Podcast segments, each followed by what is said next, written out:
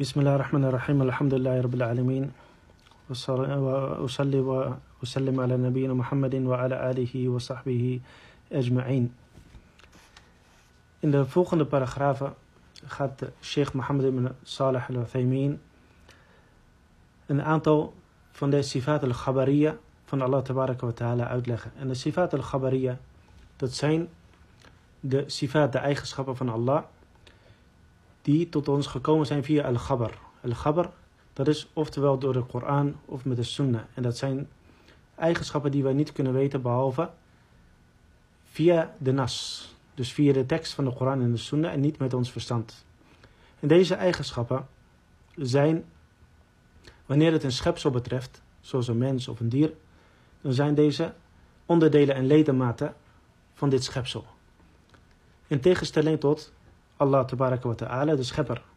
Lees ik met shay. Er is niets dat aan hem gelijk is. En hij is niet gelijk aan de schepping. Deze eigenschappen, sifat al-Ghabariya, worden aan hem toegeschreven omdat hij dit in de Koran ons heeft laten weten. Of via de sunnah van de profeet sallallahu alayhi wasallam, zonder dat ons verstand daarbij kan. Dus wij bevestigen deze eigenschappen zonder deze te vergelijken met iets van zijn schepping en zonder ons af te vragen hoe de hoedanigheid van deze eigenschappen zijn. Maar wij weten zeker dat ze niet zijn zoals, wij, zoals onze eigenschappen. Dus wanneer we deze bevestigen voor Allah wa ta'ala, dan is dat op de wijze die bij hem past. Die past bij zijn verhevenheid en zijn volmaaktheid en zijn perfectheid. En Allah wa ta'ala is ondeelbaar. Dus wanneer deze eigenschappen, als het wordt toegeschreven aan een schepsel, dat deze onderdelen en ledematen zijn, dan is dit niet het geval bij Allah wa ta'ala, want Allah is niet deelbaar en hij is niet opgebouwd. En het duidt ook niet op een jism, wat ze noemen in het Arabisch een jism, een lichaam. Lichaam. Een jism is iets wat niet in de Koran of in de Sunnah of zelfs in de woorden van de Salaf voorkomt. Dit is een filosofische term die later is toegevoegd door een aantal van de kalamiyah, een aantal van de uh, groeperingen zoals bijvoorbeeld de Jahmiyyah en de Mu'tazila en de Ashaira en hun aanverwanten. Wanneer het gaat om een jism, een lichaam, dan vragen wij, wat is de bedoeling van dit lichaam? Wat bedoel je met de jism?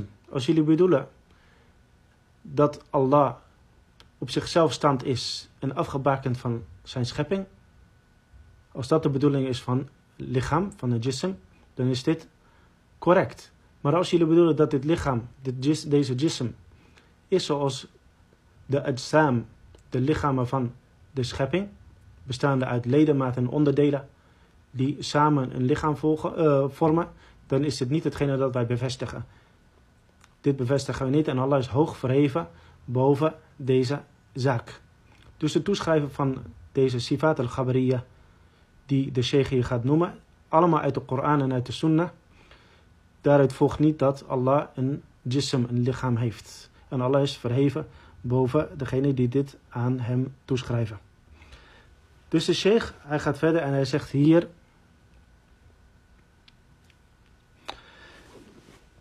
ونؤمن بأن الله تعالى ونؤمن أن بالله أن ونؤمن بأن لله تعالى وجها موصوفا بالجلال والإكرام. En wij geloven dat Allah een wajh heeft, een aangezicht.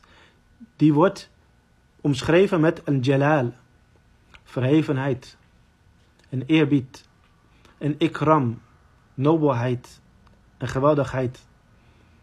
Zoals Allah tabarak wa ta'ala zegt in de Koran. وَيَبْقَى وَجْهُ رَبِّكَ ذُو الْجَلَالِ وَالْإِكْرَامِ En de, het aangezicht van jouw Heer, het aangezicht van je Heer, ذُو الْجَلَالِ وَالْإِكْرَامِ nobel en eerbiedig, het bezitten van nobele, van nobele en nobelheid en eerbiedigheid en verhevenheid, zou blijven. En ذُو الْجَلَالِ Wal ikram is hier een sifa van, van al-wajh, van het aangezicht van Allah tabarak wa ta'ala. En vervolgens zegt de sheikh ook, وَنُؤْمِنُ بِأَنَّ اللَّهَ تَعَالَى وَأَنَّ بِأَنَّ لِلَّهِ تَعَالَى يَدَيْن كَرِيمَتَيْن عَظِيمَتَيْن En wij geloven ook dat Allah twee nobele, grote, grote, geweldige handen heeft. Zoals Allah zegt in de Koran, bel yadahu mabsutatan. In tegen, nee, zijn twee handen zijn uitgestrekt. En zoals hij zegt, ma qadra Allah haqqa qadri, wal ardu jami'an qabdatuhu yawm al-qiyamah, was samawatu matwiyatun biyamini. Subhanahu wa ta'ala amma yushrikun. En het bewijs is hier matwiyatun biyamini, in zijn rechter. En vervolgens zegt de sheikh, وَنُؤْمِنُ بِأَنَّ لِلَّهِ تَعَالَى عَيْنَيْن إِثْنَتَيْن حَقِيقَتَيْن En wij geloven dat Allah twee ogen heeft, in een letterlijke zin. لِقَوْلِهِ تَعَالَى وَاسْنَعِلُ فُلْكَ بِأَعْيُنِنَا وَوَحْيِنَا Hij zei tegen een van zijn profeten, en dat is Noach, en bouw al-fulk, het schip, bi-ayunina, onder, onder toezicht van, ons, van onze ogen, wa wahyina en onze openbaring. وقال النبي صلى الله عليه وسلم حجابه النور de hijab van Allah zijn hijab is een noor, is licht لو كشفه لأحرقت سبحات وجهه ما انتهى إليه بصره من خلقه dus zijn hijab is van noor en als deze wordt geopend uh, dan zou de, het licht van zijn, van zijn gezicht deze stralen zullen uh, alles wat in het bereik is van zijn zicht, zullen zij, van zijn schepping, zullen zij verbranden. En vervolgens gaat hij zich verder, وَأَجْمَعَ أَهْلِ السُنَّةِ على أن العينين إثنتان. En de Ahl Sunnah zijn van overeenstemming, er is consensus bij Ahl Sunnah, dat deze ogen twee zijn. Dus niet alleen maar dat Allah ogen heeft, zoals in het vers dat genoemd werd, maar ook dat deze twee zijn van aantal. ويأيده قول النبي صلى الله عليه وسلم في دجال zoals de profeet صلى الله عليه وسلم heeft gezegd over het Dajjal, de valse Messias. إنه أعور وإن ربكم ليس بأعور dat het Dajjal, dat hij eenoogig is en jullie Heer is niet eenoogig. Dus dit zijn een aantal van de sifat al-Khabariya.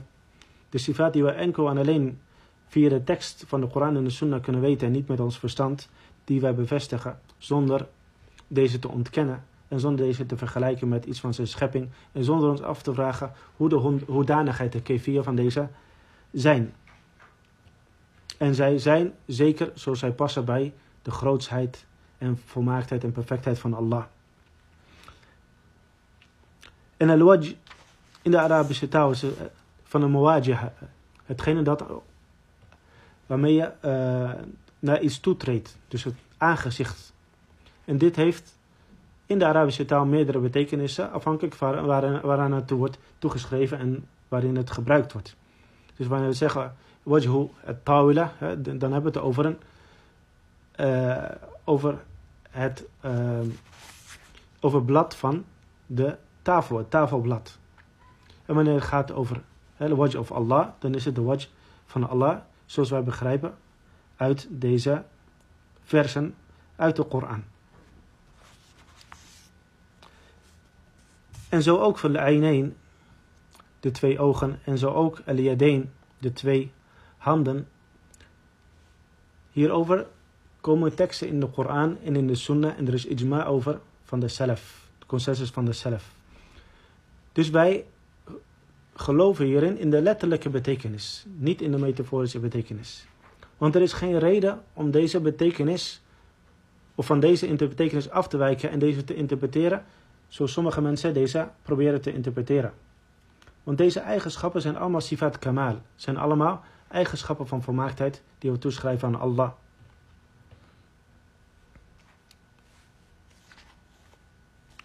En al-waj,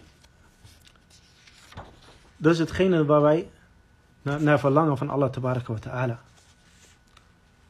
Dus hetgene waar wij naar verlangen van Allah tabaraka wa ta'ala. Dat wij naar zijn aangezicht zullen kijken Yawm al-Qiyamah.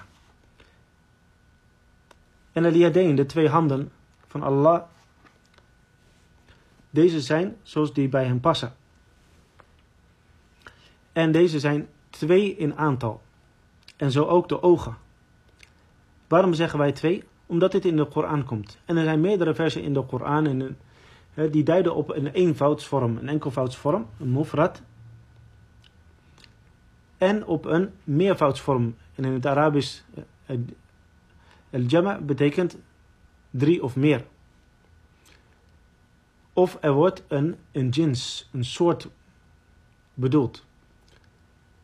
En daaruit kunnen we nog niet, daaruit kunnen we eh, begrijpen, of deze kunnen meerdere betekenissen hebben in de Arabische taal. Deze kunnen metaforisch gebruikt worden. Bijvoorbeeld dat je een, een hand hebt boven iemand, dat je iemand een fadl of een ni'ma hebt. En, uh, of dat je verheven bent.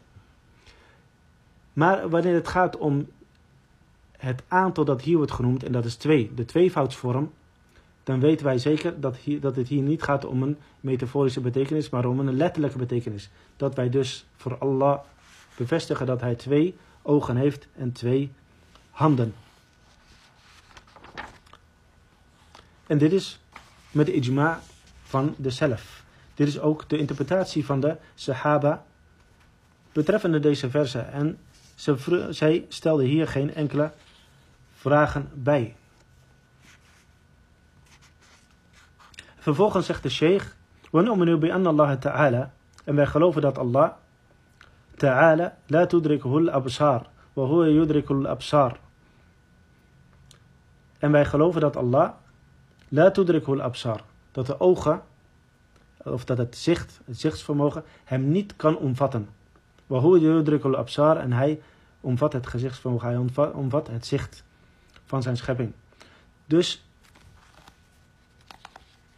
wij kunnen Allah ta'ala niet omvatten met ons verstand, nog met ons zicht. Maar dit wil niet zeggen dat wij Allah wa ta'ala niet kunnen zien. Want er zijn bewijzen uit de Koran en uit de Sunnah en de ijma van de Salaf en de ahadith mutawatira, de vele overleveringen van de profeet sallallahu alayhi wa sallam, dat wij Allah wa ta'ala, als wij gelovigen zijn, dat wij hem zullen zien, Yom al-Qiyamah en in al-Jannah. Dus dat wij hem niet kunnen omvatten, wil niet zeggen dat wij hem niet kunnen zien. Wij kunnen hem enkel alleen niet omvatten. En Allah heeft in de Koran dit niet ontkend. Zoals sommigen verkeerd interpreteren, zij zeggen van het vers Lentarani, Waarna wat ta'ala zegt tegen Ibrahim, je zult mij niet zien. Dat wil niet zeggen dat dit voor eeuwig zal zijn. In dunya en al-akhirah. Want sommigen zeiden, len, van len tarani, yufid het ta'bid. Dat dit eeuwigheid inhoudt. En dit is niet correct in de Arabische taal. Nog in de Koran. Het wil alleen zeggen dat wij in deze wereld, in dit wereldse leven, dat wij Allah niet zullen zien. Maar al-akhira, het hiernamaals, Allah heeft ons beloofd dat de gelovige hem zal zien. En dit is zelfs de grootste beloning. En dit is hetgene waar wij naar verlangen. Dat wij Allah wa ta'ala zullen zien. Yom al-Qiyamah en in een Jannah. En de bewijzen daarvoor zijn veel. En ook dit wil niet zeggen dat Allah een jism of een lichaam heeft. Want sommigen zeggen, het enige dat wij kunnen zien is een jism is een lichaam en dat is niet correct. Want wij weten niet hoe Allah tabaraka wa ta'ala zal zijn in Yom al-Qiyamah. Dus gaat de sheikh verder, hij zegt, وَنُؤْمِنُوا بِأَنَّ الْمُؤْمِنِينَ يَرَوْنَ رَبَّهُمْ يَوْمَ الْقِيَامَةِ En wij geloven dat de gelovigen hun Heer zullen zien Yom al-Qiyamah, op de dag van opstanding. Zoals Allah zegt, وَوُجُوِ يَوْمَ إِذٍ نَاظِرَ إِلَى رَبِّهَا نَاظِرَ En gezichten. Dus gezichten zullen op die dag stralen. Ila rabbiha nadira, naar hun Heer kijkend. Ila rabbiha nadira. Nadira, van nadara, kijken naar Allah wa ta'ala. En zeker wanneer het hier wordt, in deze context ila rabbiha, ila rabbiha nadira. Het woordje ila We zeggen kijken naar, nadara ila. Want nadara in de Arabische taal kan ook andere betekenissen hebben, bijvoorbeeld wachten. En dat is wat sommigen hier interpreteren. En dat is verkeerd. Ze zeggen dat, dat zij wachten op hun Heer. En daar worden ze natuurlijk niet stralend van, daar worden ze niet blij van. Dus in de context past het helemaal niet. En ook qua Arabische taal past het niet, want we zeggen nadra ila. Want nadra zelf kan inderdaad wachten betekenen, maar nadra ila, met het woordje ila, kan alleen maar één betekenis hebben en dat is kijken naar. Dus dit is de sifa van Allah tabaraka Of tenminste dat wij alle naar Allah tabaraka wa ta'ala zullen kijken yawm al-qiyamah als wij een mu'min zijn. Als wij hem ontmoeten en we zijn een mu'min. En daar zijn nog meerdere bewijzen van uit de Koran. Zoals bijvoorbeeld ala al-ara'iki yandurun. En op banken zitten zij te kijken. En ook lilladina ahsanu al-husna wa ziyada. En voor degene die wel deden, is al-husna zijn en ziyada. De profeet sallallahu alayhi wa sallam werd hierover gevraagd en hij heeft dit zelf uitgelegd. En dat is de profeet, ons voorbeeld, onze leiding en degene die het meeste over Allah weet. En degene die de openbaring heeft gekregen van Allah. Betreffende de zaken die verplicht zijn voor ons en de zaken die wij moeten laten. En ook over al-akhbar, of de zaken die wij niet kennen, over al-ghaibiyat. De onzichtbare zaken, zoals bijvoorbeeld de zaken van al-akhira, waar we het hier over hebben. De profeet zei over dit vers. Lilladina ahsanu, degene die wel deden, al-husna. Voor hen zal wat zijn? Al-husna. Hij interpreteerde dit als al-jannah. Het paradijs. Waziyada, hij zei, een nadar ila wajhillah. Het kijken naar het aangezicht van Allah, tabaraka wa ta'ala. En dit is de tafsir van de profeet, alayhi salatu wassalam. En dit is ook de tafsir die komt van, eh, van de Sahaba. Lahum ma yasha'una fiha mazid. Mazid. En wij hebben meer voor hen. En deze vermeerdering is het kijken naar Allah tabaraka wa ta'ala. En ook in de sunnah vinden we hier bewijzen voor. Zoals de profeet sallallahu alaihi wasallam zei. En dit is een hadith mutawatir. Dat zijn vele overleveringen waarin het van verschillende van de sahaba waarin het onmogelijk is dat hier of dat zij een leugen hebben verzonnen. Dit is een bevestigde, authentieke overlevering in meerdere vormen en meerdere uh, bewoordingen en ook in meerdere betekenissen. En allemaal duiden ze op het zien van Allah wa ta'ala. En een van deze bewoordingen luidt in de kum satarawna rabbakum kama tarawna hada al-qamar. Dat de profeet tegen hen zei, jullie zullen jullie Heer zien, kama tarawna hada al-qamar, zoals jullie deze maan zien. La tadammuna fi ru'yati. En jullie zullen geen belemmering hebben uh, om hem te zien. En een andere bewoording van deze uh, overlevering uh, bij al-Bukhari. Yarawnahu ayyanan. Yarawnahu ayyanan. En zij zullen hem zien ayyanan. Dat wil zeggen met hun ogen. En deze overlevering en deze betekenis werd allemaal bevestigd door de Salaf, de Sahaba en degenen die na hen kwamen. En die vinden we ook in de boeken van de Aqidah. En er is geen enkel persoon die deze zaak ontkent, behalve een mubtadi', een innoveerder. Zoals is over, overgeleverd van enkele van de Salaf, dat zij dit zeiden. En dit is in al-akhirah. Niet zoals de sommige, sommige mensen denken dat wij alles zullen zien met ons hart. Of dat uh, ru'ya, dat dat betekent kennis hebben van Allah. Want iedereen heeft kennis van Allah yawm al-qiyamah. Dus waarin zit deze vermeerdering, deze ziyada en deze mazid voor de gelovigen, deze beloning? Als dit niet specifiek voor hen was. in een aantal van de overleveringen vinden we ook dat al-arasat yawm al-qiyamah op de, voor het, uh, van de zaken van Yom al-Qiyamah, de plaatsen van Yom al-Qiyamah, voordat de mensen Jannah of naar zullen binnentreden, dat ook een munafiqun, dat zij Allah zullen zien. Hoe kunnen wij dit dan in overeenstemming brengen met het zien van Allah door de mu'minin en hier met de munafiqin. Het antwoord is dat de mu'minun, de gelovigen, zij zullen Allah zien ru'yatu ikram. En zij zullen Allah zien uit een soort van beloning of eerbied voor hen. Ze worden beloond daarmee. En ze zullen hiervan genieten. En ze zullen nog meer verlangen naar Jannah. Nog meer verlangen naar Allah. En vervolgens zullen zij Allah in Jannah nog een keer zien. Wanneer zij willen. Wat betreft de munafiqeen. De huigelaars. Die zeiden in het wereldse leven wij geloven in Allah. Maar in hun harten waren ze ongelovig. Zij deden zich voor als gelovigen en zij waren ongelovig. Allah zal voor hen verschijnen Yom al-Qiyamah. Ro'yatu adab. Als een vorm van imtihan, als een vorm van imtihan, een, een, eh, een test en een vorm van adab, een bestraffing voor hen. Want vervolgens, ihtajaba anhum, vervolgens ging hij weer weg. Waarop zij weten wat zij zullen missen. En vervolgens gaan zij naar darka asfali minanar in het laagste niveau van en naar. Dus dit zijn een aantal van de sifat al-Ghabariya die de, die de sheikh hier heeft proberen uit te leggen aan de hand van de Koran en aan de hand van de Sunnah. En deze zijn ook bevestigd door de, de en de imams van el-Islam tot op vandaag de dag.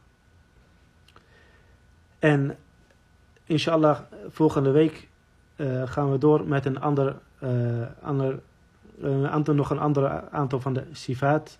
En dat zijn de sifat al-Salbiya hetgene dat voor alle ontkend wordt. Want we hebben het tot nu toe gehad over de sifat uh, de bevestigde eigenschappen. Laten we zeggen de positieve eigenschappen van Allah. De zaken die positief zijn bevestigd voor Allah. En er zijn zaken die wij ontkennen van Allah. De zaken die niet bij Allah ta'ala passen. En die komen volgende week bij Idnillahi ta'ala. En daarna nog een aantal van de qawa'id, de principes die hierop van toepassing zijn. Tabaraka wa ta'ala. Wallahu ta'ala alam wa sallallahu wa sallam ala nabiyina Muhammadin wa ala alihi wa sahbihi ajma'in. Wassalamu alaikum